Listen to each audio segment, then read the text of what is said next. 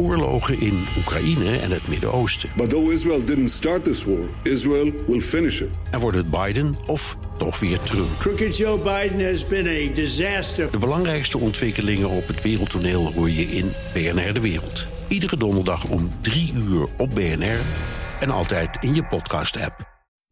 BNR Werkverkenners wordt mede mogelijk gemaakt door BrainNet. BrainNet voor zorgeloos en professioneel personeel inhuren. BNR Nieuwsradio. Werkverkenners. Rens de Jong. Dag 2020. Wat een jaar was jij. We kijken nog één keer terug. Nou ja, een heel bijzonder jaar. Omdat ik in maart, eh, 15 maart meteen ontdekte van... goh, al die sollicitatiegesprekken die gaan nu met videotooling. En er kwamen snel goede steunmaatregelen. Maar er was ook kritiek. Als je net toevallig die ene ondernemer bent die dan niet de juiste SBI-code had. of eh, dat je referentieperiode omzet vorig jaar net anders uitviel. en jij niet dezelfde compensatie eh, verkrijgt. Dus ik begrijp die heel goed. En ik, daar moeten we denk ik ook vooral oog voor houden. En voor sommige ondernemers pakten de maatregelen juist tegen de bedoeling in gunstig uit. Een van de vreemdsoortige dingen van, van die NOE-regelingen, de crisisregeling, is wel dat payrollbedrijven nu plotseling weer kunnen roepen: wij leiden omzetverlies. Dat komt eigenlijk door de wetgeving en helemaal niet door corona. En vervolgens daarvoor gecompenseerd worden. Maar het uit de grond stampen van steunmaatregelen bracht een enorme verbondenheid met zich mee. Ook onder de werkgevers en de werknemers. Nu je eigenlijk ziet dat de steunmaatregelen klaar zijn. en als ik dan bijvoorbeeld verplaats naar de CAO-tafels. dan zie je daar toch alweer veel strijd ontstaan. Dus we weten het niet op alle niveaus vasthouden, denk ik. En dat is, uh, daar kan het beter. En hallo 2021, wat ga jij ons brengen? Mogen we dit jaar al denken aan een leven na corona? Ik denk ook wel dat men, zo tegen de tijd dat de verkiezingen er zijn, al wel wat zicht heeft op het weghebben van die corona. Dus dat hoop ik, maar ik ben een optimistisch mens. En dat zou betekenen dat we weer kunnen gaan bouwen. Welke les van de vorige crisis, sinds 2008, moeten we nu meepakken? Wat we toen heel erg deden, en dat was ook toen in de UWV-wetgeving, dat je de eerste zes maanden moest je het op eigen kracht kunnen doen. En daar moeten we nu duidelijk niet weer voor kiezen. En dat zal ze straks uitleggen. Werkverkenners. In de allerlaatste werkverkenners van 2020 kijk ik met drie gasten terug op het afgelopen jaar. En natuurlijk ontkom je dan niet aan corona. Mijn eerste gast zag de kloof tussen vast en flex alleen maar groter worden. Mijn naam is Evert Verhulp. Ik ben hoogleraar arbeidsrecht aan de Universiteit van Amsterdam. Ik ben uh, kroonlid van uh, de Sociaal-Economische Raad. En uh, raadsheer plaatsvervanger bij het Hof in Amsterdam. Nou, dat is een hele, en, dat is een hele en waslijst. directeur van een vernootschap opgericht via de UvA... die het rechten digitaliseert. Zo. Dus, uh, Hoe kijk je persoonlijk terug op 2020? Ja, het is een vreemd jaar geweest. Vreemd omdat we blijmoedig begonnen met... Uh, arbeidsrechtelijk ook blijmoedig met een paar mooie rapporten. De commissie Borslap heeft een schitterend rapport geschreven. Ik was lid van die commissie, dus ik kan nog niks anders zeggen... dan dat het schitterend was, maar dat vind ik ook. de wetenschappelijke raad is losgekomen met een mooi rapport. En de strekking van die rapporten was toch een beetje vergelijkbaar. En dat is, er ontstaat wel een hele vreemde verdeling in het, op de arbeidsmarkt... waar, waar de overheid moet ingrijpen. Mm -hmm. ja. um, um, de constatering was ook, en dat is een mooie... dat die vreemde verdelingen, met name tussen werknemers, ZZP, flex... met name is veroorzaakt door regelgeving van de overheid zelf... en dus ook weer kan worden weggenomen. Ja. Heeft corona uh, jullie versneld gelijk gegeven? Ja, dat denk ik wel. Hè. Je ziet nu toch ook wel dat heel veel zelfstandigen... Uh, toch nauwelijks hun, hun, hun, hoofd boven water kunnen houden. Mhm. Mm -hmm. Daar moet natuurlijk en terecht steun voor verleend worden. Maar het probleem is wel dat, dat deze groepen, die ZZP'ers... over het algemeen niet hebben bijgedragen aan de collectieve voorzieningen... anders dan betalen van BTW en misschien een heel klein beetje inkomstenbelasting. Um, uh, en nu een groot beroep doen op de collectieve voorzieningen. Ja. En, en het is ook begrijpelijk hoor. En het, um, mij wordt wel verweten dat ik dat de ZZP'ers zou verwijten. Nou, in tegendeel is het geval, want de arbeidsmarkt noopt natuurlijk tot het opereren als zelfstandige. Maar we merken nu wel dat, dat die groepen, althans belangrijke delen van die groepen, nu zonder inkomen zitten. En daar moet echt iets voor gebeuren. Ja, in 2020 een dieptepunt wat jou betreft. Nou ja, het dieptepunt is natuurlijk toch de coronacrisis en alle effecten die dat heeft gehad op de arbeidsmarkt. En een dieptepunt vind ik toch ook gewoon de ellende die ondernemers uh, uh, ervaren. Uh, iedereen begrijpt dat maatregelen nodig zijn, dus daar wil ik ook helemaal niks aan afdoen. De steunmaatregelen zijn, zijn ook redelijk genereus. Maar uiteindelijk hebben ondernemers natuurlijk een enorm probleem.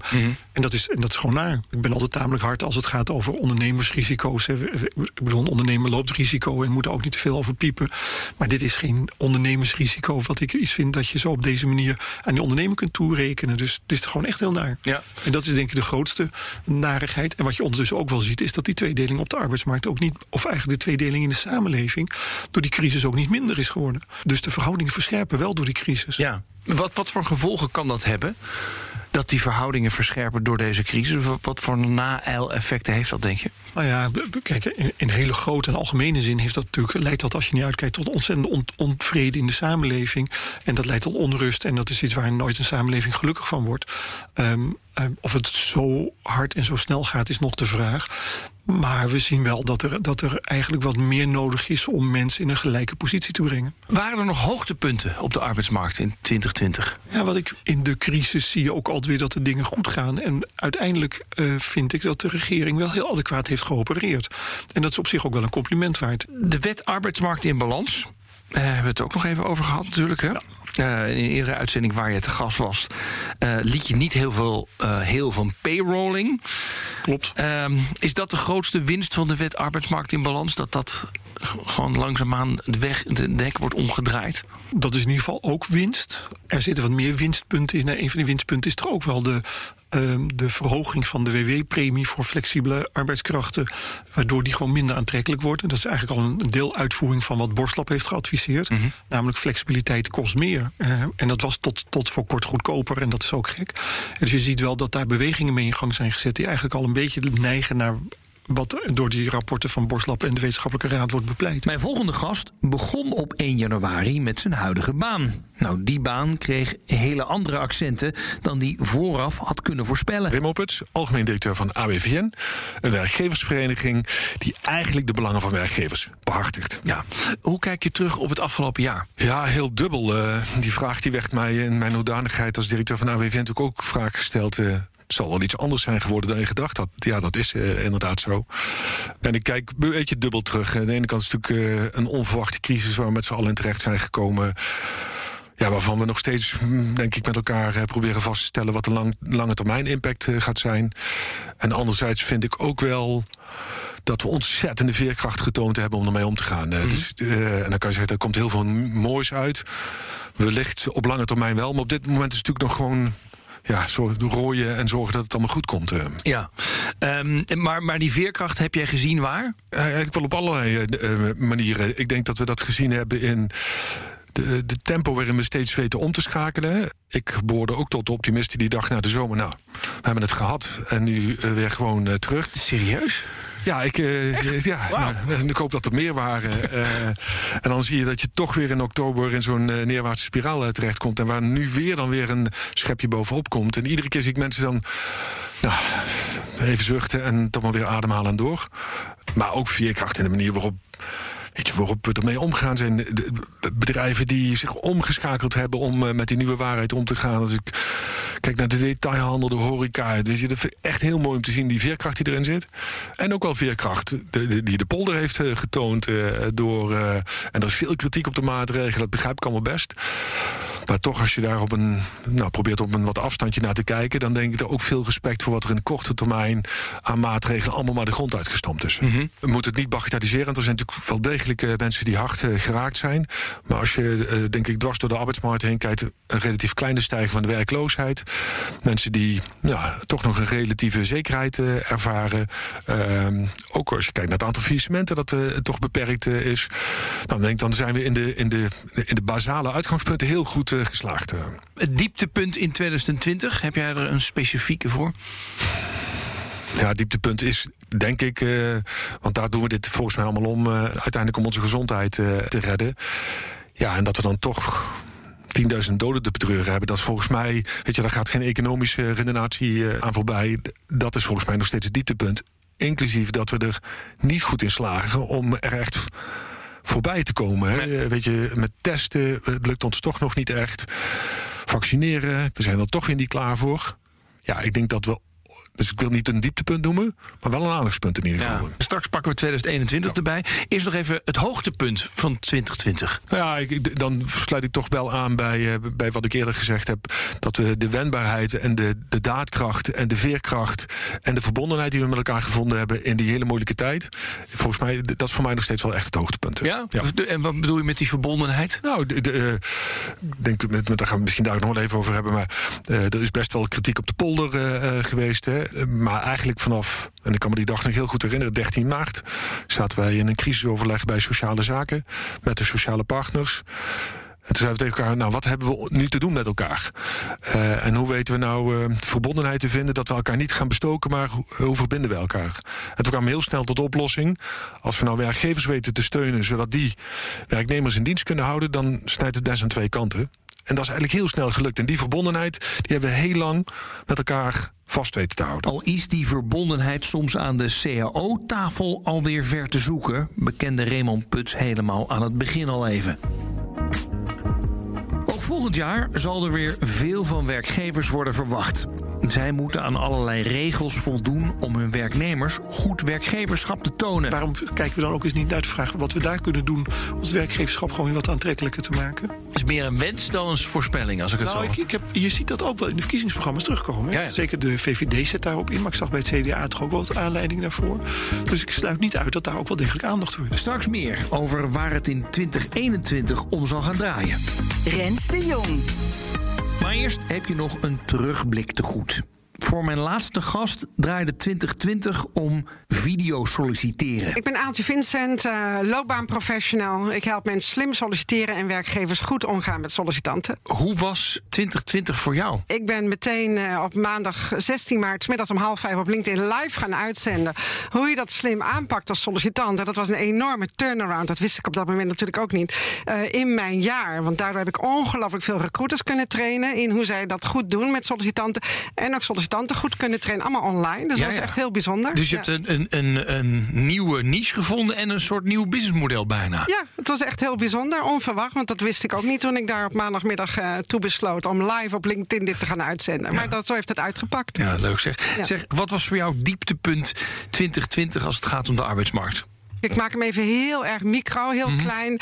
Dat ik hoorde dat iemand zei van... goh, als ik maar hoor dat de sollicitant eh, de sollicitatiebrief niet zelf heeft geschreven... dan komt hij er bij mij niet in. Oh, wie was dat dan? En wanneer gebeurde dat? ik kan niet zeggen wie dat was en ook niet zeggen wanneer dat was. Maar ik schrok daar dus ontzettend van. Want ik denk, ja, weet je, als iets moeilijk is in dat solliciteren, dan is het schrijven van die motivatiebrief. En in mijn wereld helpt ieder, eh, vraagt iedereen hulp daarbij. Dus ik dacht, ja, hoe naïef kun je zijn om te denken dat mensen daar geen hulp bij hebben? Ja, ja. Daar schrok ik van. En, Ja. en wa- wat was jouw antwoord aan diegene? Nou ja, dat ik het wel heel naïef vond en dat iedereen hulp heeft in mijn beleving. Oh ja. Ja. En, en wat was het antwoord terug? Nou, hij komt er toch niet in.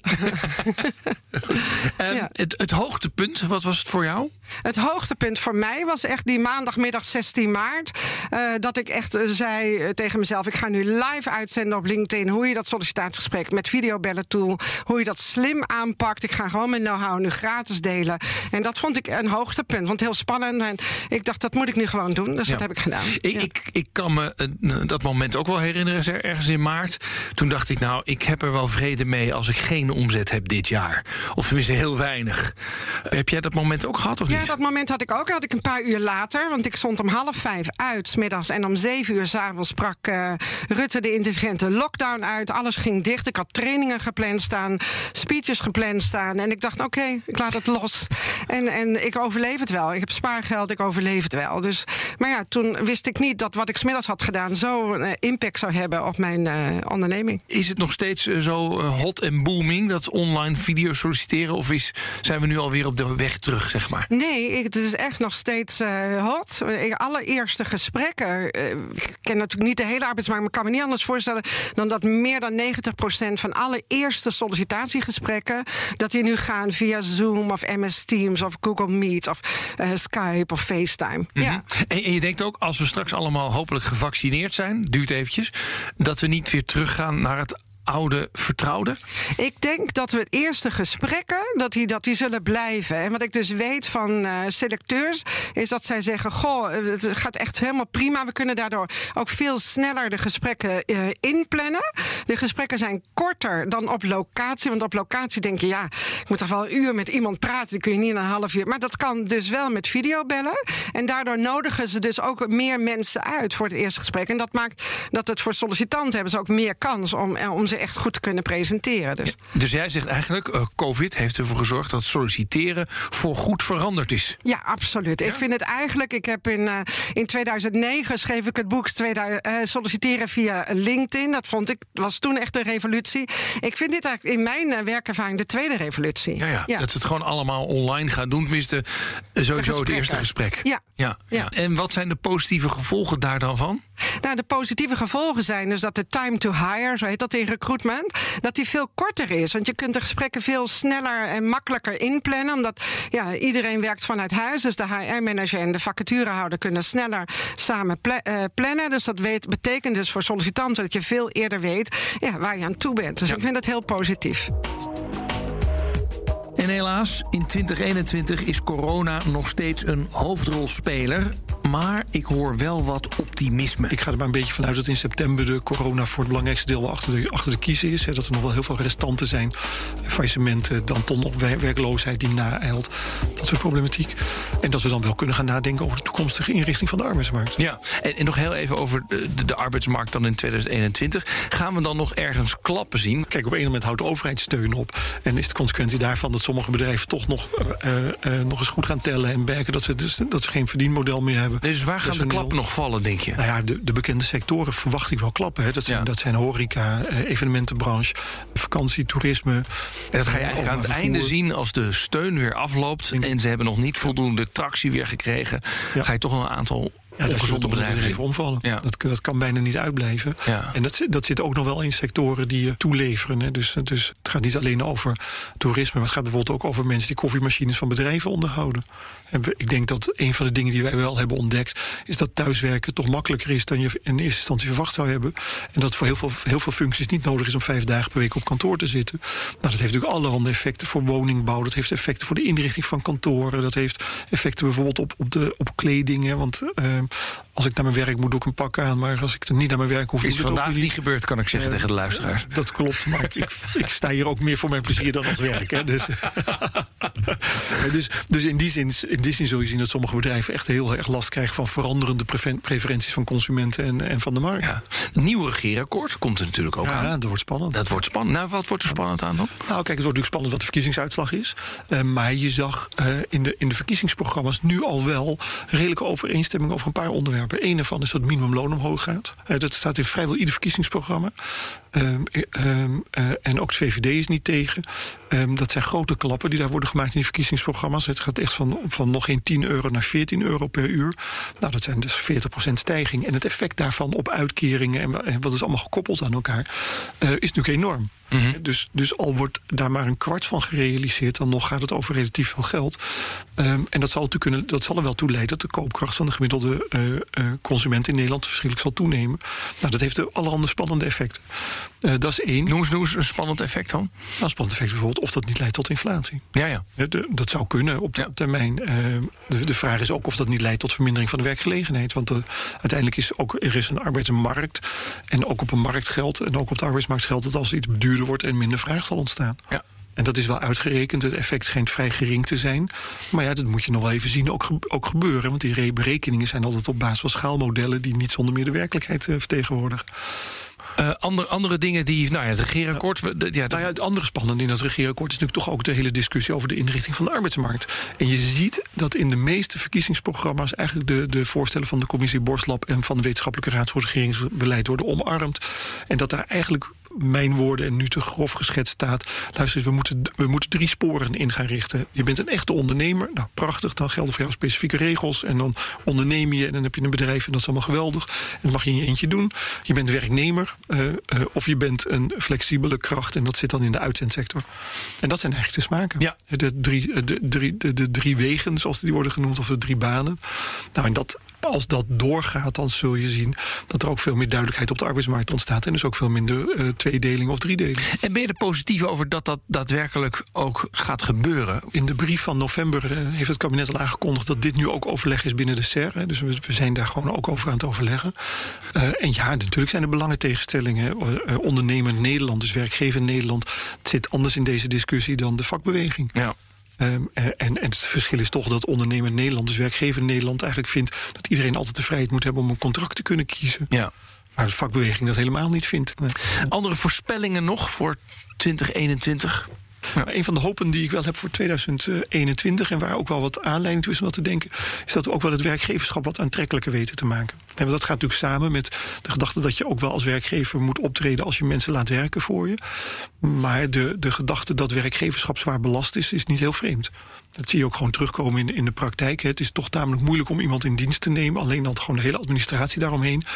Het is ook tamelijk moeilijk om, om iemand fatsoenlijk te laten werken. En het is ook tamelijk moeilijk om weer van iemand af te komen. Nou, daar, daar moet natuurlijk wel iets aan gebeuren. En dat hoeft niet aan alle drie die onderwerpen te gebeuren. Maar de administratieve belasting van werkgevers is wel, nou, is wel tot, uh, tot, uh, tot het toppunt verheven. Ja. Dus je moet eens kijken of we daar wat van af kunnen halen. In 2021 zal ook duidelijk worden wat we gaan vasthouden van al dat thuiswerken. Ik vind het fijn dat wij hier nu gewoon tegenover elkaar staan. Want je had dit ook online kunnen doen, ja. maar dan mis je toch iets uh, wat, je, wat je wil bereiken. Ik denk dat zie je in je werk ook. Er zijn momenten die we gaan kiezen dat je bij elkaar wil zijn. En je kiest ervoor dat er ook heel veel momenten zijn dat dat niet nodig is. En die keuze maakten we voorheen niet, denk ik. Ik kan me niet meer voorstellen dat ik straks zomaar anderhalf uur in de auto ga zitten voor een gesprek van een uur en dan weer anderhalf uur terug. En als ik dat vorig jaar tegen iemand had gezegd, kunnen we dat online doen, had hij waarschijnlijk gezegd: Je vindt me misschien niet belangrijk. En nu accepteert iedereen dat. Ja. Dus ik, ik, ben helemaal met je eens dat we daar een structurele verandering door gaan maken. Maar dat is niet iets wat hiervoor niet al gaande was. Nee. Alleen het versnelt. Nee, maar goed, we zien daar denk ik wel grote implicaties voor. In, uh, nou ja, sowieso mobiliteit in Nederland. Over hoe de relatie is tussen werknemer en werkgever. Ik denk dat je daar aan die CAO-tafels ook gesprekken over gaat voeren. Zeker. Kijk, wat je ziet in die CAO-gesprekken eigenlijk van, van de afgelopen jaren, in 2020, ging dat vooral over waar moeten we nu tijdelijk allerlei oplossingen voor bedenken. Ik bedoel, uh, het gaat slecht. Wat, wat doen we dan met die loonsverhoging? Kunnen we iets bedenken over hoe we uren kunnen sparen die je nu niet kent? Wij allerlei tijdelijke uh, oplossingen. Een van de dingen die we denk ik de komende jaren zullen gaan zien is hoe gaat dat nou vooral zeg maar, structureel zijn plek krijgen in de CAO. En dan heb je het inderdaad over als jij op een andere manier thuis werkt en, en uh, op kantoor, dan vraagt dat iets over. Ja, ik heb zo'n mobiliteitsbudget. Hoe moet dat eruit gaan zien? Dat vraagt iets van de politiek. Want fiscaal is dat niet uh, geregeld. Dat vraagt iets van het kantoor, hoe dat er in de toekomst uitziet. Vraagt iets van je leidinggevende. Hoe gaat hij nou met je om? Dus er komen ontzettend veel dingen de komende jaren nog uh, op ons bord. daar, ben ik, daar ben ik helemaal met je eens. 2021, verwacht je hoogtepunten? Wat zijn die voor jou? Ja, de hoogtepunten. Het, het, de, eerste die me opkomt is uh, dat we het virus kwijtraken. Ik denk dat het helpt erin dat we nu even met elkaar zorgen dat we weer voor de bal uh, komen dat we een veel beter testbeleid krijgen. Ik denk wel dat testen echt iets gaat zijn wat voorlopig bij ons blijft. Uh, en dat het heel normaal gaat worden dat als we naar de arena gaan, uh, dat je misschien van tevoren wel een blaastestje doet uh, om naar binnen te gaan. Maar in die end hoop ik dat het hoogtepunt gaat zijn. En ik heb een soort van voorzichtige stip op de horizon geplaatst. Dat ik hoop dat we ergens rond de mei-periode nou, weer naar een wat normaler leven kunnen. Dus dat zou mijn hoogtepunt zijn. Het hoogtepunt zakelijk zou wel zijn dat we alles wat we nu aan maatregelen nemen, en gelukkig uh, spreken we nu ook af dat we ze niet afbouwen, mm -hmm. dat dat voldoende basis heeft gelegd dat we straks weer vooruit kunnen in plaats van dat we die grote klap nog naar beneden gaan maken. Nou ja, dat is, daar had ik het met Evert Verhulp over. En die zegt ja, ooit gaat ergens die hulp stoppen. En hij zegt dan gaat het, gaan er toch nog klappen vallen. Ja, dat denk ik ook. Alleen ik hoop dat we die zoveel mogelijk weten te dempen. Hè. Uh, ik denk dat dat ook vooral de discussie de afgelopen tijd is geweest. Laten we dat steunpakket nu niet afbouwen. Want dan is alles wat we gedaan hebben, is dan voor niks geweest. Mm. Dus laten we dat er vooral niet doen. Kijk, het is natuurlijk een illusie om te denken dat we een hele mooie naadloze overgang weten van steun en steun langzaam weg en dat de economie weer groeit. Dus dat is denk ik een soort van theoretisch plaatje dat je in je hoofd hebt. Maar ik zou hopen dat we alles wat we nu gedaan hebben voldoende basis heeft gegeven om door te kunnen groeien. Er komt natuurlijk ook een nieuwe regering. Wat verwacht je qua arbeidsmarkt? Ontwikkelingen daar. Je hebt vast en zeker alle verkiezingsprogramma's al doorgespit. Wat zijn je voorspellingen daar? Uh, Ja, natuurlijk gaat het. Uh, Borstlap is natuurlijk uh, een soort van even in de laad terechtgekomen. Uh, vanwege de, de situatie die ontstond. Maar die discussie is natuurlijk niet weg. En die gaat voor een deel absoluut over de vast-flex-discussie. Is flex nou doorgeslagen, ja of nee? Ik denk dat het absoluut gaat, uh, en dat zie je natuurlijk in alle verkiezingsprogramma's terug...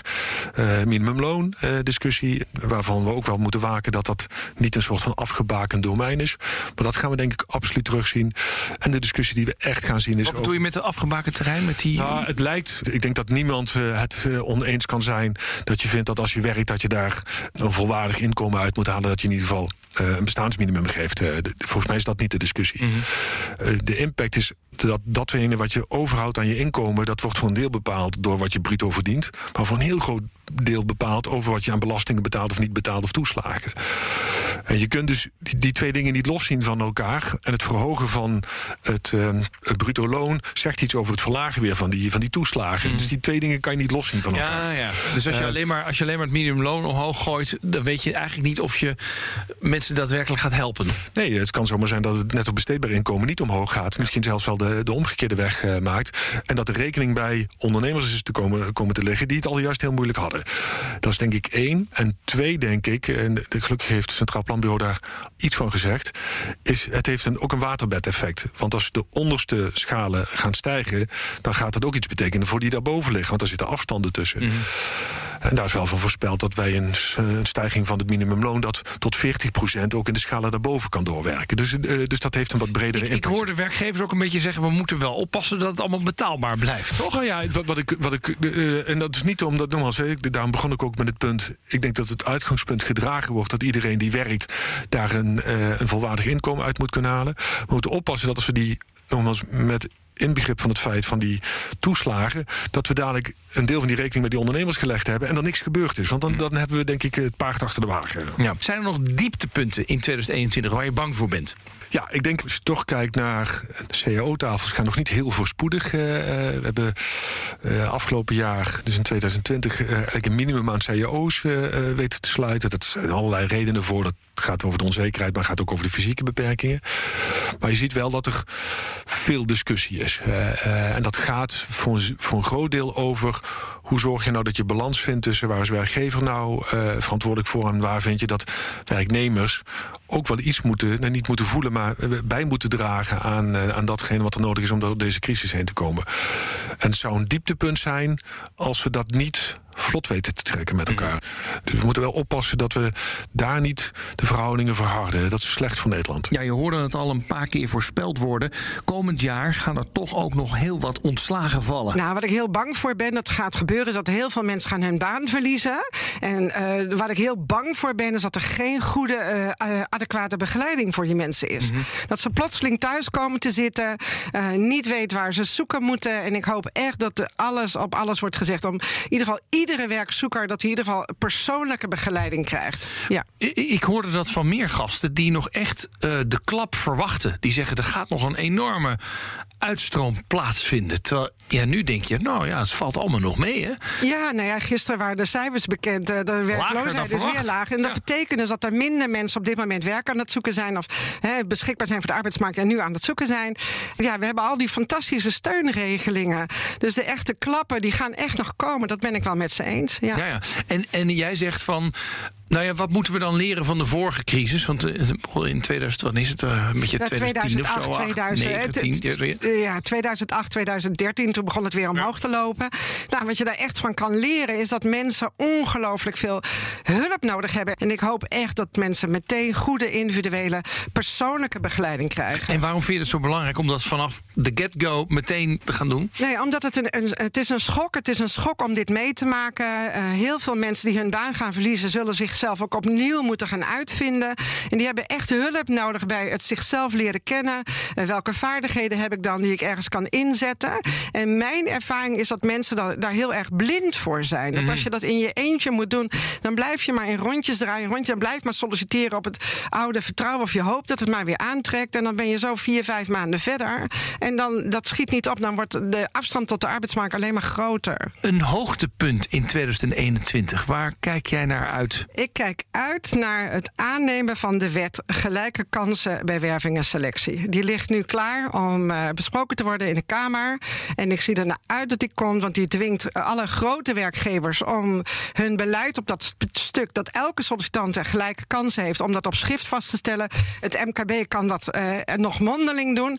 En ik zou één ding echt heel erg graag willen, is dat bijvoorbeeld dat net als in uh, Engeland en Amerika, dat gewoon de geboortedatum, dat het verboden wordt om dat nog op te nemen in werving- en selectieprocedures. Dus hmm. ik, ik hoop dat het de gevolg is van deze nieuwe wet. Ja, want uh, deze wet ligt nu voor. Dus ja. wanneer verwachten wij hem dan dat hij uh, ingaat? Ja, dat hangt weer van allerlei planningen af in de Kamer. Maar ik hoop volgend voorjaar, uh, ja. Rens. Ja. dat moet dan ervoor zorgen dat iedereen gelijke Dat iedereen gelijke kans heeft. Dus helemaal los van, laat ik maar simpelweg zeggen, je personalia.